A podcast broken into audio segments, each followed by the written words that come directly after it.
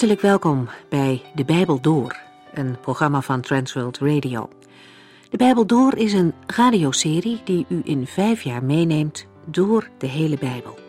Van Genesis 1 tot Openbaring 22.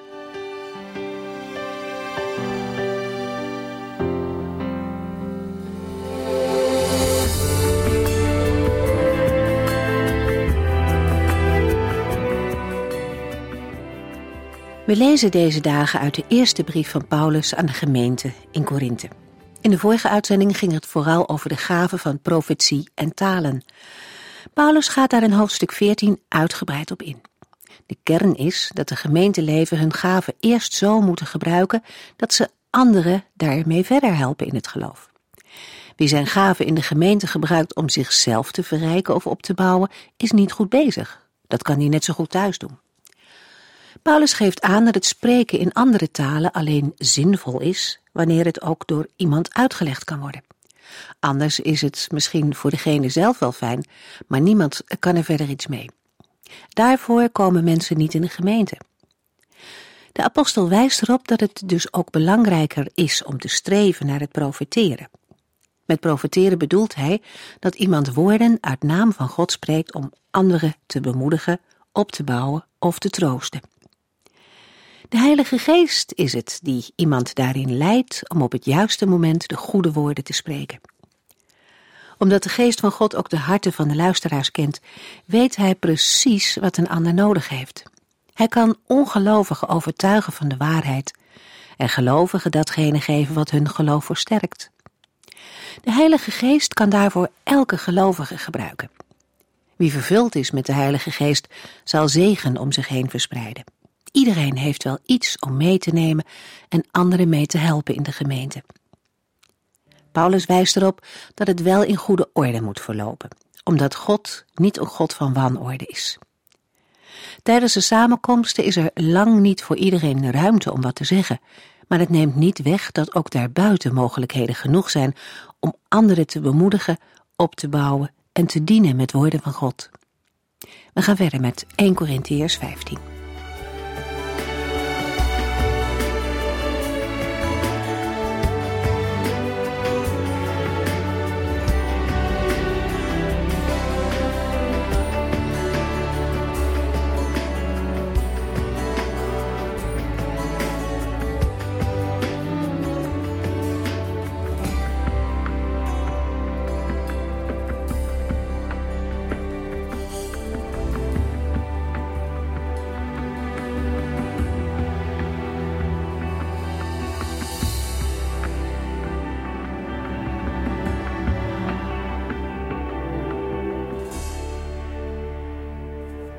In 1 Corinthiërs 15 kondigt Paulus een nieuw onderwerp aan. Het gaat om de bestrijding van een opkomende dwaalleer, waarin de lichamelijke opstanding van de gelovigen wordt ontkend. De apostel begint met plechtige woorden. 1 Corinthiërs 15 vers 1 Ik kom bij u met het goede nieuws dat ik al eens eerder heb gebracht.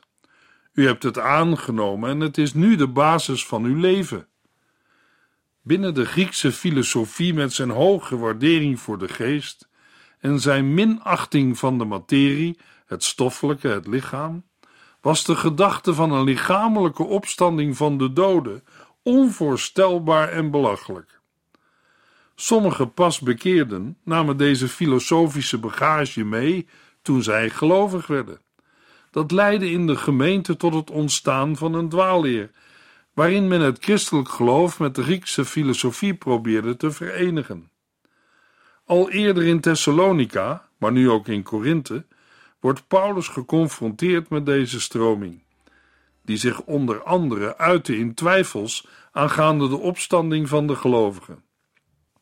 Bij zijn bestrijding van deze dwaalleer baseert Paulus zich op de feitelijke en bijbelse waarheden van het evangelie. Dit op feiten en op de Bijbel gebaseerde goede nieuws is door Paulus verkondigd. Dit goede nieuws hebben de Corinthiërs ontvangen en aangenomen. Het is het fundament van hun christen zijn. Zou dit evangelie worden veranderd of worden weggenomen, dan zou daarmee geestelijk gezien de basis van hun leven wegvallen. 1 Corinthians 15 is een heel belangrijk hoofdstuk, omdat het ingaat op een van de eerste dwalingen binnen de christelijke gemeente, de ontkenning van de opstanding van de Heer Jezus Christus uit de dood. 1 Corinthians 15 vers 2 Als u blijft bij wat ik u heb gezegd, is dat uw redding. Anders had u net zo goed niet gelovig kunnen worden. In het verleden hebben de Corinthiërs het evangelie aangenomen. In het heden leven zij als gelovigen vanuit het evangelie. En wat betreft de toekomst geldt: als u blijft bij wat ik u heb gezegd, is dat uw redding. Deze redding heeft betrekking op het eeuwige behoud en de eeuwige heerlijkheid. En krijgt zijn vervulling bij de wederkomst van de Heer Jezus. Paulus noemt wel een voorwaarde: als u blijft bij wat ik u heb gezegd. Een ander evangelie kan hun de eeuwige redding niet geven. De Corinthiërs mogen aan de inhoud van het goede nieuws niets veranderen. In het vervolg schrijft de apostel: Anders had u net zo goed niet gelovig kunnen worden. Als het andere evangelie dat door sommige Corinthiërs wordt verkondigd aanvaard wordt, dan hadden de Corinthiërs net zo goed niet gelovig kunnen worden. Waarom? Omdat het andere evangelie inhoudt dat er geen opstanding van doden is. 1 Corinthians 15 vers 3 en 4 Het belangrijkste van het goede nieuws dat ik heb ontvangen en u heb doorgegeven is dit. Christus is voor onze zonden gestorven, zoals voorzegd is in de boeken. Hij werd begraven en is op de derde dag weer levend gemaakt, wat ook in de boeken stond. Paulus heeft de inhoud van zijn prediking niet zelf bedacht. Het behoort tot de vaste overlevering van de christelijke gemeente. De versen 3 en 4 geven de indruk van een min of meer formele geloofsbeleidenis. Een beleidenis die is gebaseerd op historische feiten en op de Bijbel, in die tijd het Oude Testament. Paulus heeft de Corinthiërs precies dat doorgegeven wat hij op zijn beurt ook ontvangen had. Het feit dat de Heer Jezus aan het kruis is gestorven, leidt geen twijfel. Daarvan waren meer dan voldoende getuigen. Dat hij stierf als een verzoeningsoffer voor onze zonden, is ontleend aan de Bijbel. Daarin is voorzegd dat de knecht van de Heere zou lijden voor de zonde van de mensen. Jesaja 53. Ook de verwijzing naar de begrafenis van de knecht van de Heere, de Messias, vinden we in Jesaja 53. En het getuigenis van de Bijbel over de opstanding wordt ontleend aan Psalm 16 en 110. De woorden hij is begraven maken duidelijk dat het om een dood lichaam gaat. Dat betekent dat bij de opstanding het lichaam van de Heer Jezus opnieuw tot leven is gewekt, want het graf was leeg. Halleluja! De beleidenis van Jezus' opwekking vormt de kern van het evangelie.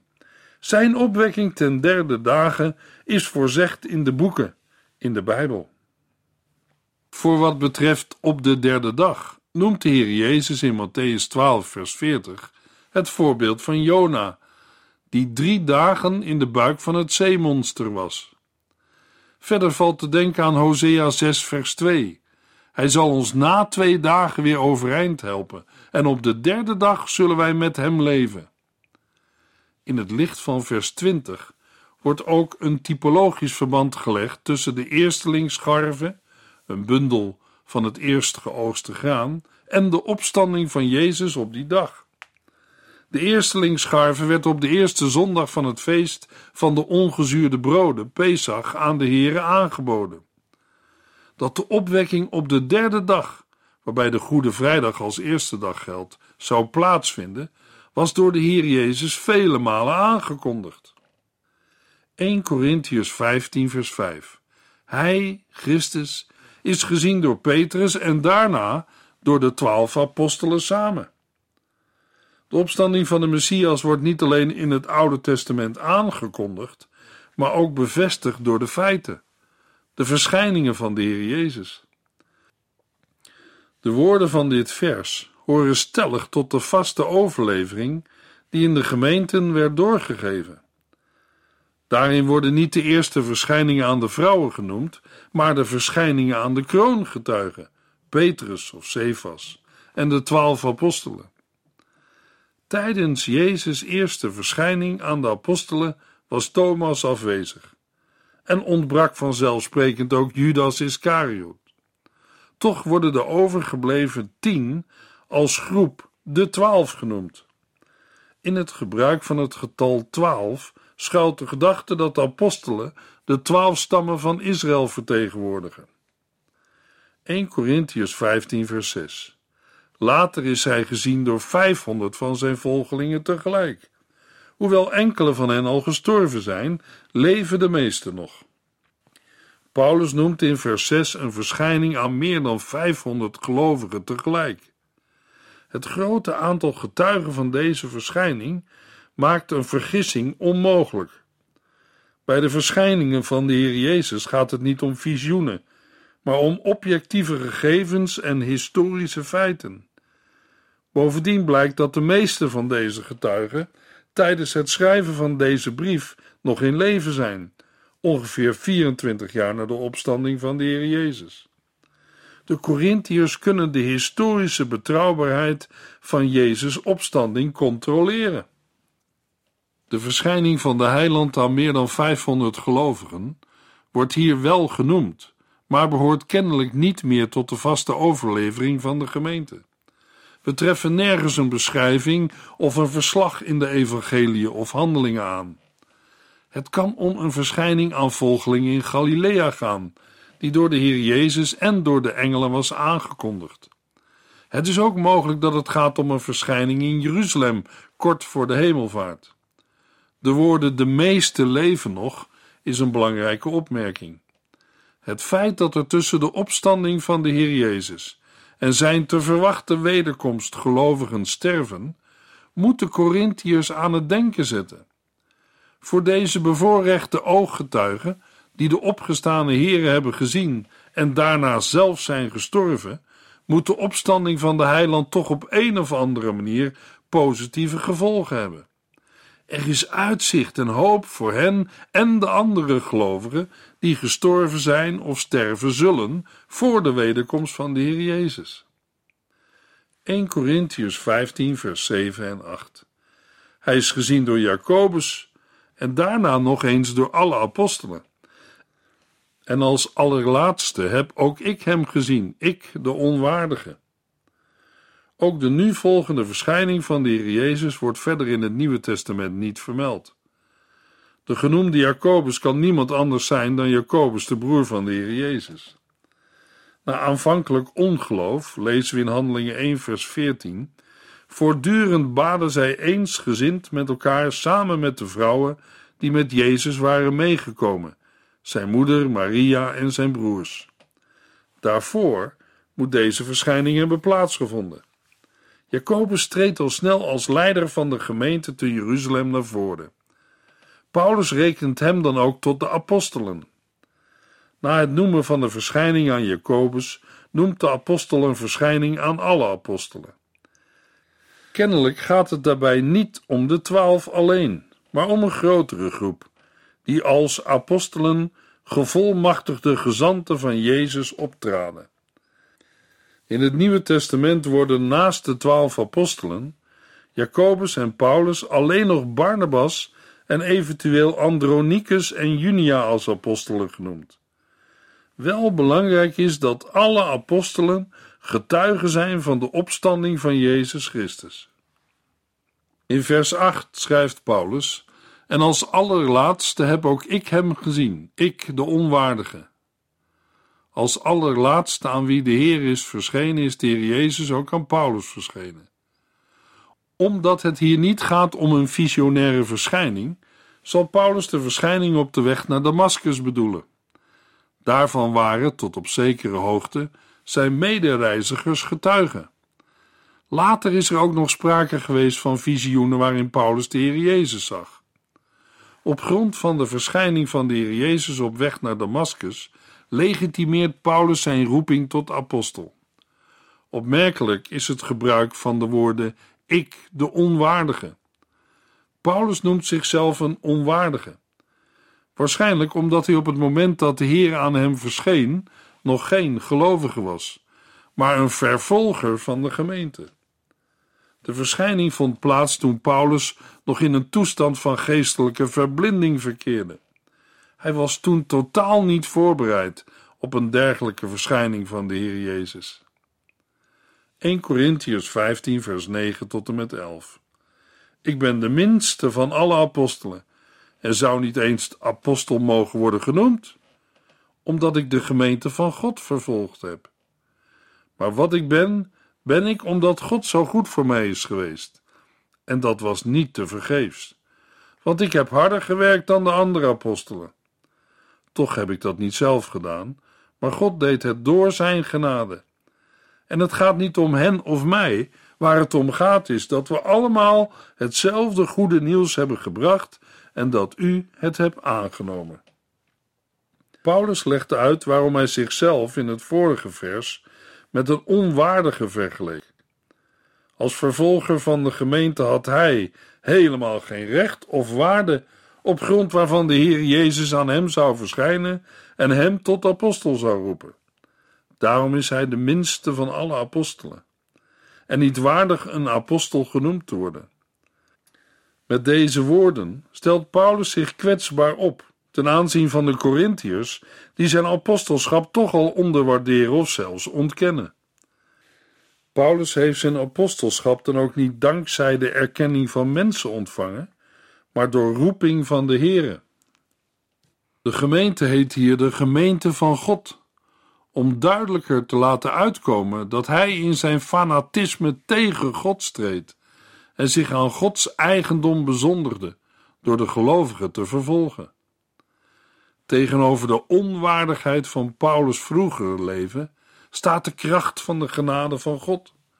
Deze genade is er de oorzaak van dat het apostelschap van Paulus veel vrucht droeg.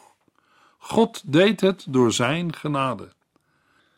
De genade aan Paulus is niet vruchteloos geweest, want ook de bekering van de Corinthiërs was daarvan het gevolg. Paulus durft zelfs te zeggen: Ik heb harder gewerkt dan de andere apostelen. Met gewerkt bedoelt Paulus het zich inzetten voor de verkondiging van het evangelie onder moeilijke omstandigheden. Niet alleen de inspanningen van Paulus waren bijzonder groot, maar ook de resultaten, namelijk het ontstaan van vele christelijke gemeenten in Cilicië, Galatië, Azië, Macedonië en Achaïe. Paulus haast zich te zeggen dat dit niet zijn verdienst is. Als het aan hem had gelegen, had hij de gemeente uitgeroeid. Zowel zijn bekering als zijn inspanning zijn het gevolg van Gods genade. Alle eer is voor de Heere. Met vers 11 keert Paulus weer terug naar de getuigen van de opstanding van Jezus Christus. Hij zelf en de andere getuigen, in het bijzonder de andere apostelen, hebben zo het goede nieuws verkondigd dat zij tot geloof zijn gekomen, waarin het getuigenis van de vergeving van zonde en de opstanding van Jezus Christus centraal staan. De opstanding van Christus maakt dan ook deel uit van het fundament van hun geloof. Geen van de Corinthiërs zal deze opstanding willen ontkennen. Daarom neemt Paulus de algemeen aanvaarde en erkende lichamelijke opstanding van Christus Jezus als basis voor zijn onderwijs over de lichamelijke opstanding van alle gelovigen. Schetsen we de situatie rond de opstanding van de Heer Jezus Christus uit de doden, dan moeten we zeggen: er waren elf ontmoedigde mannen in Jeruzalem en omgeving. Door alles wat er was gebeurd, waren zij bereid om weer terug te keren naar hun oude beroep. Petrus zei: Kom, laten we gaan vissen. Zij hadden genoeg narigheid en ellende ondervonden. Toen Jezus dood was, wilden zij het lichaam niet uit het graf weghalen. Ze wilden het lichaam in het graf laten en de Romeinse verzegeling van het graf niet verbreken. Daarmee zouden ze ook de Romeinse soldaten die het graf bewaakten in verlegenheid brengen. Dat had alleen voor nog meer problemen gezorgd. Wat gebeurde er in die situatie? De volgelingen van Jezus kregen het bericht dat Jezus uit de dood was opgestaan. Dat bracht de ommekeer in hen teweeg. Het gevolg was dat de christelijke gemeente ontstond. Gedurende dat begin en tot nu toe zijn er miljoenen mensen geweest die geloofden dat Jezus is opgestaan. Het was en werd het eerste getuigenis van de gemeente van Christus. De Heer is waarlijk opgestaan. De gemeente van Christus is niet los te maken van de opstanding. Gelovigen zijn gered op grond van de dood en opstanding van Jezus Christus. Zonder de opstanding van Jezus Christus is er geen goed nieuws van een levende Christus, die redt van alle zonden. Kortom, zonder de opstanding van Jezus Christus is er geen evangelie en is er ook geen christelijke kerk. Vanuit die werkelijkheid is het te verklaren waarom er vaak weerstand is tegen de belijdenis van de opstanding van de doden en de opstanding van Christus. Daarom wil ik in het slot van deze uitzending nog kort ingaan op vier in onze tijd vaak voorkomende vragen over de dood en opstanding van Jezus Christus. De eerste vraag komt in allerlei varianten voor en vraagt naar de echtheid van de dood van Christus. Was zijn dood een schijnvertoning en zijn opstanding boerenbedrog? Door analyse van medische en historische gegevens hebben vooraanstaande medici op grond van de feiten geconcludeerd dat Jezus de gruwelijke folteringen van de kruisiging niet overleefd kan hebben. Laat staan de gapende wond in zijn zij door zijn long en hart. Voor de opvatting dat hij op een of andere manier aan het kruis is bezwijmd en net deed of hij dood was, ontbreekt elk bewijs. Romeinse beulen waren akelig efficiënt in het besef dat ze zelf het leven erbij in zouden schieten als een van hun slachtoffers het kruis zou overleven. Zelfs als Jezus de foltering op een of andere manier zou hebben doorstaan, zou zijn erbarmelijke toestand nooit de aanzet kunnen zijn geweest tot een wereldwijde beweging gebaseerd op het uitgangspunt dat hij een glorieuze overwinning had behaald op de dood en het graf. Ook de tweede vraag komt in verschillende varianten voor. Was Jezus lichaam echt uit zijn graf verdwenen? Wetenschappers hebben aangetoond dat het blijvende symbool van Pasen, het lege graf van Jezus, een historische realiteit is. Het lege graf wordt vermeld of indirect genoemd in vroege bronnen, het Evangelie naar Marcus en de geloofsbeleidenis in 1 Corinthians 15, die van zo kort na de gebeurtenis dateren dat ze op geen enkele wijze door legendevorming kunnen zijn ontstaan. Het feit dat de Evangelie berichten dat vrouwen het lege graf ontdekten, bevestigt de echtheid van het verhaal. De plaats van Jezus' graf was bekend bij zowel christenen als joden. De feiten konden door sceptici worden gecontroleerd. Trouwens, niemand heeft ooit beweerd dat Jezus' lichaam nog steeds in het graf lag. In plaats daarvan zagen zij zich genoodzaakt het absurde verhaal te verzinnen dat de discipelen zijn lichaam hadden gestolen, hoewel zij geen motief of gelegenheid hadden. Maar is Jezus na zijn kruisdood wel levend gezien? Het bewijsmateriaal voor de verschijningen van Jezus na zijn opstanding heeft zich niet door de jaren heen geleidelijk ontwikkeld. De opstanding stond juist vanaf het allereerste begin centraal in de verkondiging van de eerste gemeente. De oeroude geloofsbeleidenis uit 1 Corinthians 15 noemt met naam en toenaam de mensen die de opgestane Christus hebben ontmoet. En Paulus riep twijfelaars uit de eerste eeuw zelfs op persoonlijk met deze getuigen te gaan praten, om de waarheid in deze kwestie te achterhalen. Het boek Handelingen is bezaaid met bijzondere vroege bevestigingen van de opstanding van Jezus. Terwijl de evangelieën talrijke ontmoetingen gedetailleerd beschrijven. Vooraanstaande theologen concludeerden de echtheid van de verschijningen van Jezus is net zo goed bewezen als wat dan ook in de oudheid. Er kan geen rationele twijfel over bestaan dat ze niet hebben plaatsgevonden. Zijn er dan ondersteunende feiten die op de opstanding wijzen? Ja, die zijn er. Op basis van bijkomende omstandigheden is beslissende documentatie toegevoegd ten gunste van de opstanding van Jezus. Ten eerste verkeerden de discipelen in een unieke positie dat ze wisten of de opstanding had plaatsgevonden. Ze hebben tot hun dood toe verkondigd dat het waar was. Niemand sterft wel bewust en bereidwillig voor een leugen. Ten tweede is er behalve de opstanding geen goede reden waarom sceptici als Paulus en Jacobus zich bekeerd hebben en voor hun geloof gestorven zijn. Ten derde begonnen duizenden Joden binnen enkele weken na de kruisiging centrale Joodse gebruiken prijs te geven die eeuwenlang van essentieel, sociologisch en godsdienstig belang waren geweest. Zij geloofden dat ze verloren gingen als ze het mis hadden. Ten vierde bevestigden de vroege sacramenten van avondmaal en doop de opstanding van Jezus Christus en zijn goddelijkheid.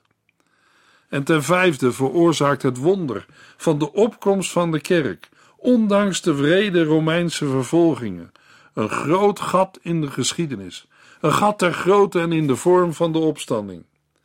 Waarmee zou een wereldlijke historicus kunnen aankomen om dit gat te dichten?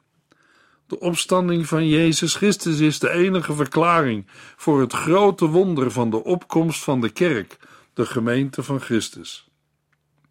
Er is meer te zeggen en aan te geven over de gestelde vragen.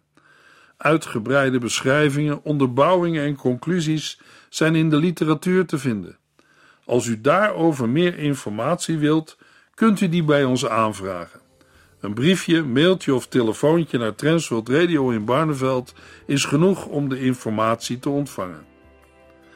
In de volgende uitzending lezen we verder in 1 Corinthians 15.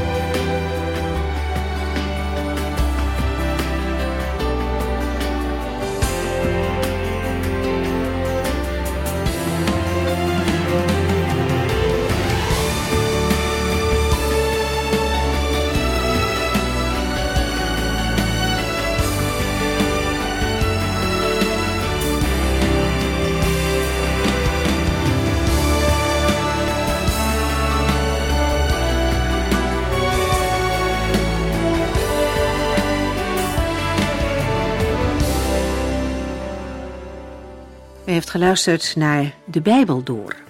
In het Nederlands vertaald en bewerkt door Transworld Radio.